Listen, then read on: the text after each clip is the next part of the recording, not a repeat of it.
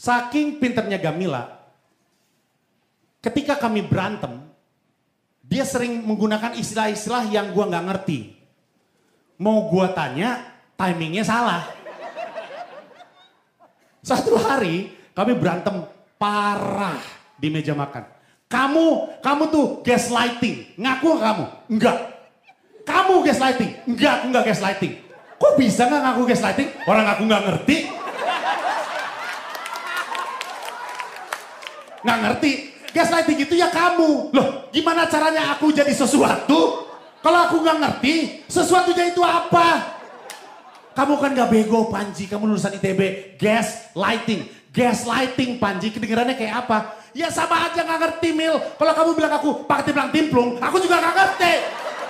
Apa itu? Terdengarnya kayak suara gendang bertalu-talu. Tapi belum tentu kan.